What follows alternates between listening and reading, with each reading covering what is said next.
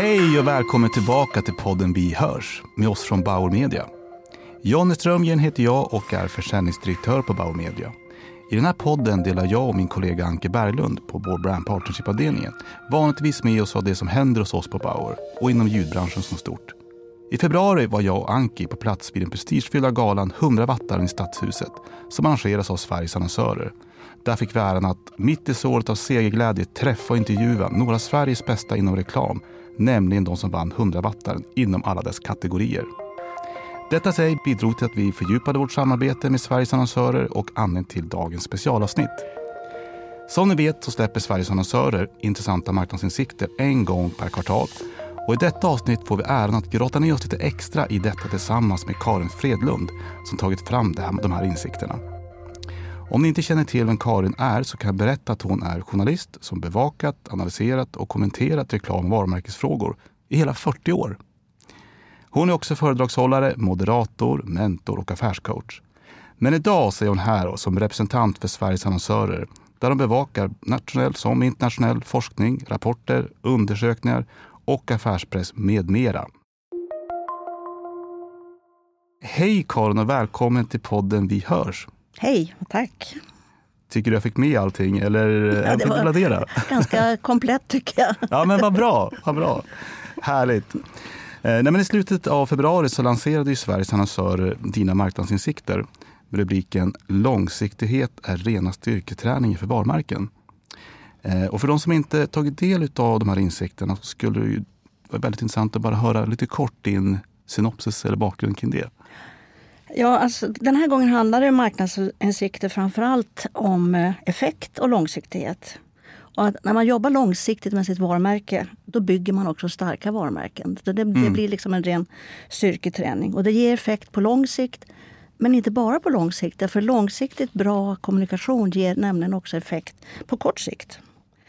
Sen växer det över tid. Och vi hade som ett um, fokus här på den, det företag som vann 100 wattar i långsiktig varumärkesvård som har Pantamera. De håller på i snart 20 år för att få människor att panta sina flaskor och burkar istället för att slänga dem. Det är helt fantastiskt hur den har hållit i sig efter så många år. Ja, och det, det växer även effekterna. Nu har de eh, den 100 watts eh, bidraget som nu mättes har hållit på i 4-5 år. Mm. Och eh, då har man varit lite mer inriktad på ungdomar eller unga vuxna för de är storkonsumenter av till exempel små petflaskor. Och under den här perioden har de då ytterligare lagt till lite humor som de inte tidigare haft och sin musik då som vanligt.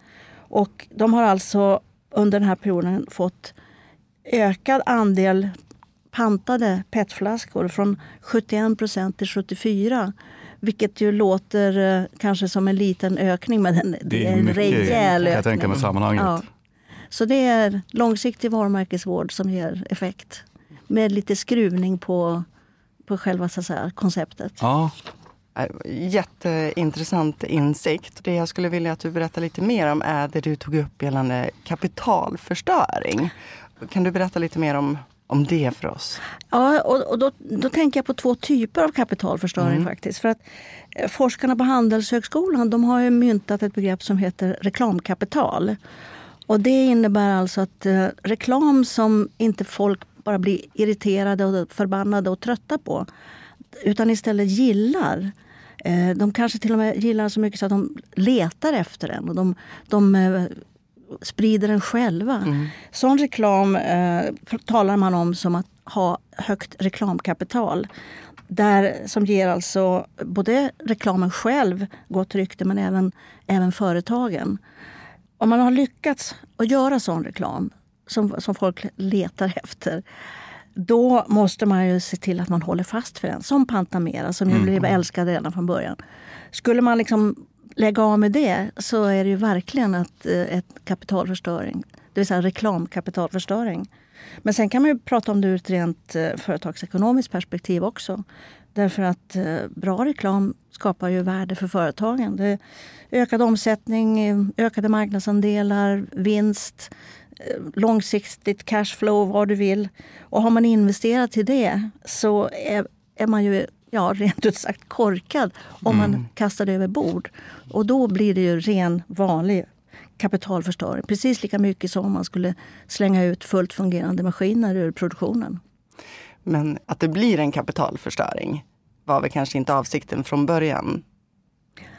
När, när man slutar? Nej, men det mm. beror bara på att man inte förstår. Mm. Så att uh, man, man bygger upp ett kapital. Man bygger mm. upp ett, om det nu är rena, rena pengar, vilket det ju också är, men även i reklamkapital. Och om man inte då förstår värdet av det utan man tröttnar och tycker att Nej, har kört här så länge. Usch, jag är så trött på den här panta mera, panta mera. Ja, nu gör vi något kul istället eller något annat. Eller, nu måste vi berätta om hur viktigt det är. Mm. Och så lämnar man allt man har gjort tidigare. Då är det ren kapitalförstöring. För då pajar man det reklamkapital man byggt upp och man minskar möjligheterna till det så ekonomiska kapitalet. Spännande. Jag tänker också att eh, insikten tar ju upp eh, system 1. Och det, för mig var det ganska nytt. Eh, kan inte du bara kort berätta vad, vad, vad innebär systemet och vad, är det, och vad kommer de insikterna bakomliggande dem? Ja, det som jag där tar upp det är egentligen ett brittiskt analysföretag så det heter System One. System One, ja. ja. Och de gör jättespännande studier eh, om reklam och marknadsföring och effekter. Och de har bland annat då kunnat eh, se att bra reklam, den blir inte utsliten. Alltså, den, den håller. Det, det, är alltså möjligtvis annonsören eller byråerna som tröttnar på att köra samma. Men eh, folk tröttnar inte. Eh, man har bland annat har de tittat på 50 000 reklamfilmer som de har i sitt arkiv. Och så har man sorterat dem efter ålder, så att säga, när de lanserades. Och så har man mätt effekterna. Och eh, de, Vissa var väldigt färska, som var precis eh, nyligen lanserade och, och mättes eh, så säga, direkt efter start. Andra hade varit med betydligt längre. De äldsta var 19 år. Mm. Eh, och man kunde då se att det var, ingen, det var liksom ingen skillnad. Effekten var lika god eh, oavsett vilket på den reklamen som alltså var riktigt bra. Man tröttnade inte på det. Man kunde faktiskt se att till och med att den fick ökad effekt med tid. Trots att man är alltså det var 19 år gammal reklam. Ja. Uh, ja, det, och gärna, ja, speciellt bra är det om man använder det som man i System One kallar för fluent devices eller vi kan kalla dem för budbärare. Någonting som är väldigt, väldigt direkt får oss att tänka på varumärket som Pantameras musik exempelvis. Mm. Eller Bregotts kossor. Det är också budbärare. Det är också en budbärare, ja. ja. Men om vi säger vikten av långsiktighet är ju grunden till den här marknadsinsikten eh, mm. som eh, du delat med dig av. Men det vore intressant också att veta vad som krävs för att en marknadskommunikation ska anses som långsiktig.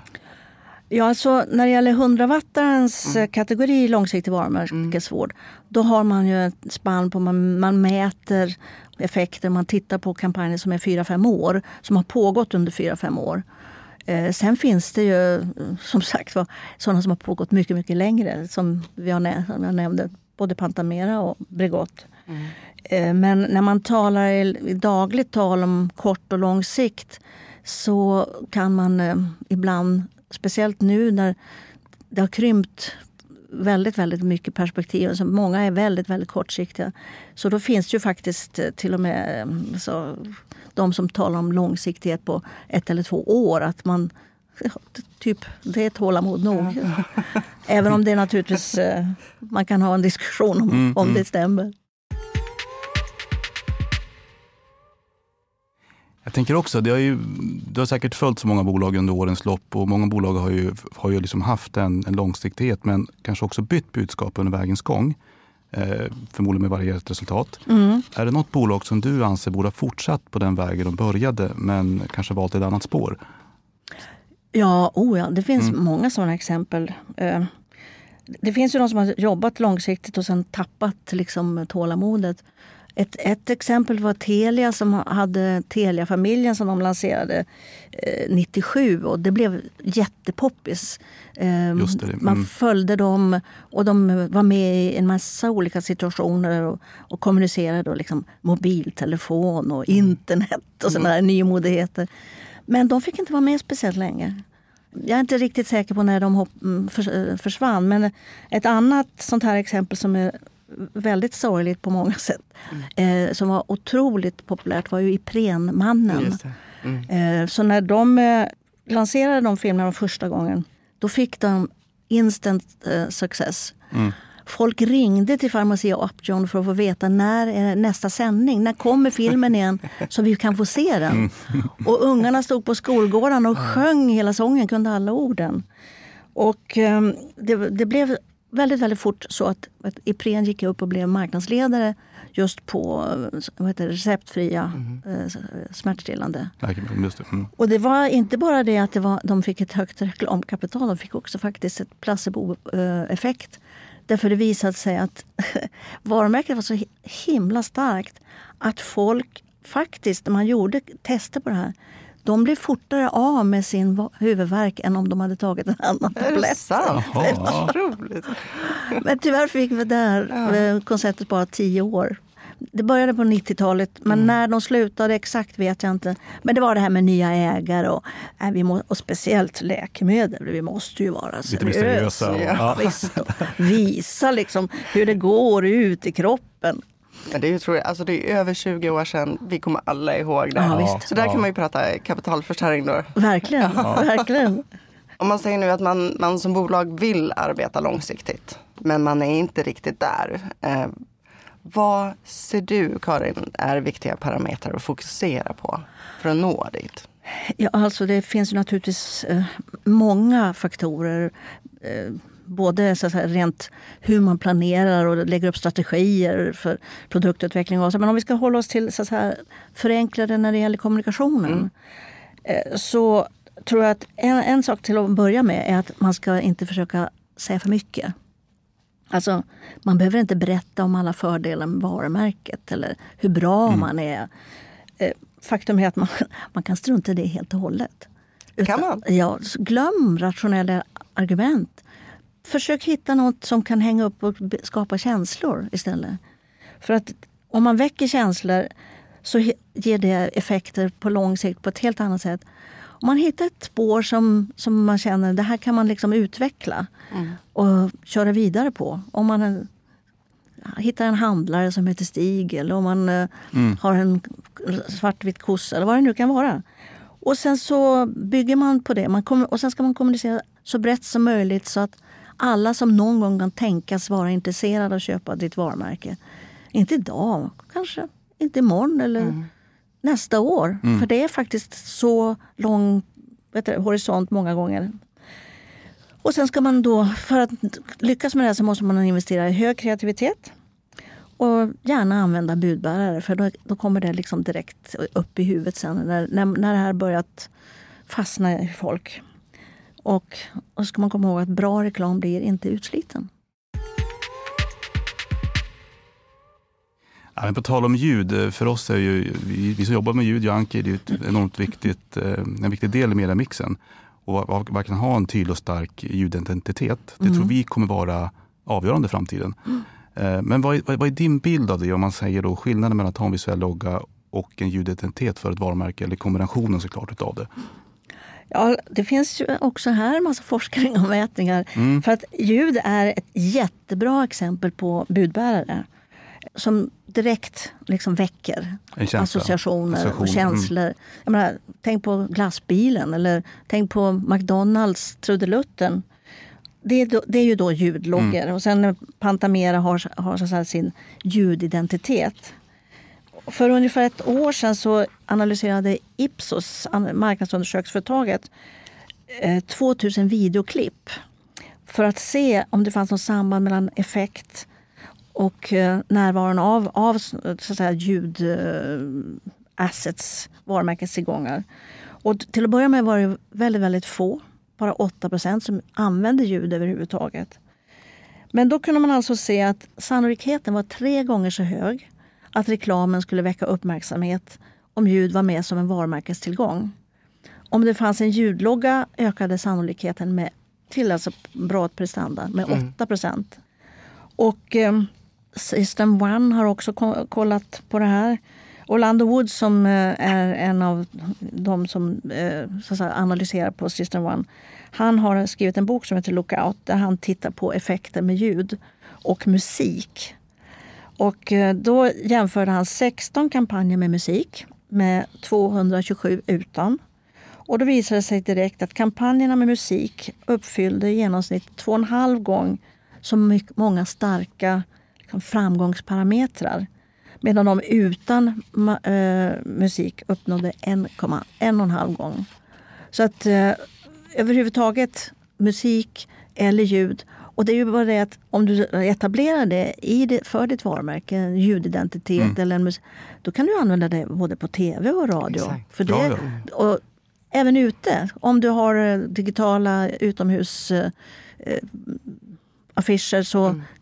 finns ju även de som är fiffiga nog att låta den låta när man går förbi. Mm. till exempel. Mm. Så att eh, det är väldigt, Sen är det ju väldigt få som har, idag i alla fall, eh, specialskriven musik. Men det finns ju sådana väldigt intressanta exempel också. Inte minst eh, Coca-Colas låt I'd like to teach the world to sing som hade eh, premiär 71.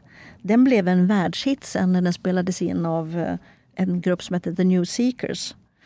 Då eh, bytte man ut texten visserligen. Det var inte Coca-Cola Is. Eh, eh, men eh, den blev etta på Englandslistan och sju i USA. Och eh, Coca-Cola fick en jätteroyalty även om man då inte talade om, men det var ju deras låt. Mm. Så de kunde skänka 80 000 dollar till Unicef genom sin, sin låt. Fast de hade fått inspiration av Pepsi som hade gjort en låt ett par år innan som heter It's the Pepsi Generation. Fast den blev aldrig någon hit. Den, den, den fick nöja, nöja sig med att spelas i reklamsammanhang. Ja men det är magiskt. Det var väl, alltså, Unibet är ju ett sånt exempel ja. också. Ja, det... Med deras för, och det var ju inte så, så länge sedan. Så länge sedan nej. nej. Intressant information. Ja det är spännande saker. Ja det är superspännande det här. Men med, med tanke då på eh, din gedigna kompetens inom marknadsföring eh, så vore det intressant att veta om det finns någonting som vi som kommersiellt ljudhus då eh, kan bli bättre på idag för att få fler att investera i ljudmarknadsföring? Jag tycker, jag har svårt att se någon skillnad liksom på kanalval, alltså mm. medieplattform. Utan för alla medier de måste ju så att säga, vara relevanta för sina lyssnare, tittare, läsare. Mm. Och kunna bevisa det för sina annonsörer. Sen så tycker jag att det är bra, speciellt på ett lite, alltså fortfarande idag nyare medier som radio, att man kanske behöver uppfostra och utbilda sina annonsörer så att de gör rätt och eh, anpassar sin eh, reklam och förstår hur man eh, ska agera i, i den kanal som liksom man representerar. Men att jag tycker det, liksom, det gäller alla medier. Mm. mm. Men att radio och inte minst får de... Ni skulle kunna försöka hjälpa era annonsörer att förstå att de ska ha ljudidentiteter. Ja, det är ju något vi Ja, nej men det är precis och, och verkligen, vi pratade om också i början, att eh, använda ljud i olika kontexter. Beroende mm. på om det är en radiokampanj eller en podd eller om det är en digital kampanj. Eh, då tror vi vi kan få riktig effekt. Absolut. Det, det hänger ju med. Ja. Mm. Sen går folk hemma och sjunger på det och sen kommer de på vad det är de gör. Mm. Herregud, här går jag och gör reklam för McDonalds. Ja, jag bara sjunger. Ja. Ja, men, eh, så intressanta eh, insikter och, som har kommit ut från det här, eh, Karin. Vi, vi, brukar alltid ställa frågan till våra gäster också i slutet om man har någon dold talang. Och det är självklart att vi undrar såklart om du har någon dold talang som du skulle vilja dela med dig av till lyssnarna. Ja, ja, då får jag väl ta en som är så dold så att jag nästan börjar dölja den för mig själv. Men ja. jag kan faktiskt eh, stenografera på tre språk. Jaha, oj. Ja. Jag har lärt mig, en gång i världen lärde jag mig stenografi på svenska, engelska och franska. Det är inte samma sak riktigt. Men eh, som sagt den har vid det här laget blivit så dold så att jag nästan har dolt den för mig själv. Ja, men då är det dold talang på riktigt. ja, verkligen. Ja, men stort varmt tack att du vill vara med i podden Vi hörs Karin. Eh, vi kommer även träffa dig om någon månad igen för ytterligare ett specialavsnitt eh, med marknadsinsikter från Sveriges annonsörer, vilket vi ser jättemycket fram emot. Eh, men stort tack för att du var med. Tack själv. Vad kul att vara med. Nu är det dags att runda av veckans avsnitt och det har varit så spännande att få höra om Karins, framförallt de här insikterna hon har släppt. Och nästa vecka så drar vi igång igen såklart med säsong fyra av podden Vi hörs där ni kommer fortsatt få träffa och höra både aktuella, erfarna och intressanta branschpersonligheter som delar med sig av sin erfarenhet. Och såklart så kommer ni få ytterligare ljudglimtar utav Anki. Hoppas att ni verkligen tyckte att avsnittet var bra och att ni lyssnar nästa vecka. Vi hörs! Ja, vi hörs!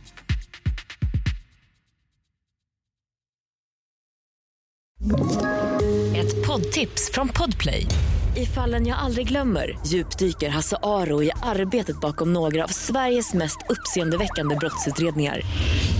Går vi in med hemlig telefonavlyssning och, och då upplever vi att vi får en total förändring av hans beteende. Vad är det som händer nu? Vem är det som läcker? Och så säger han att jag är kriminell, jag har varit kriminell i hela mitt liv men att mörda ett barn, där går min gräns. Nya säsongen av Fallen jag aldrig glömmer på Podplay.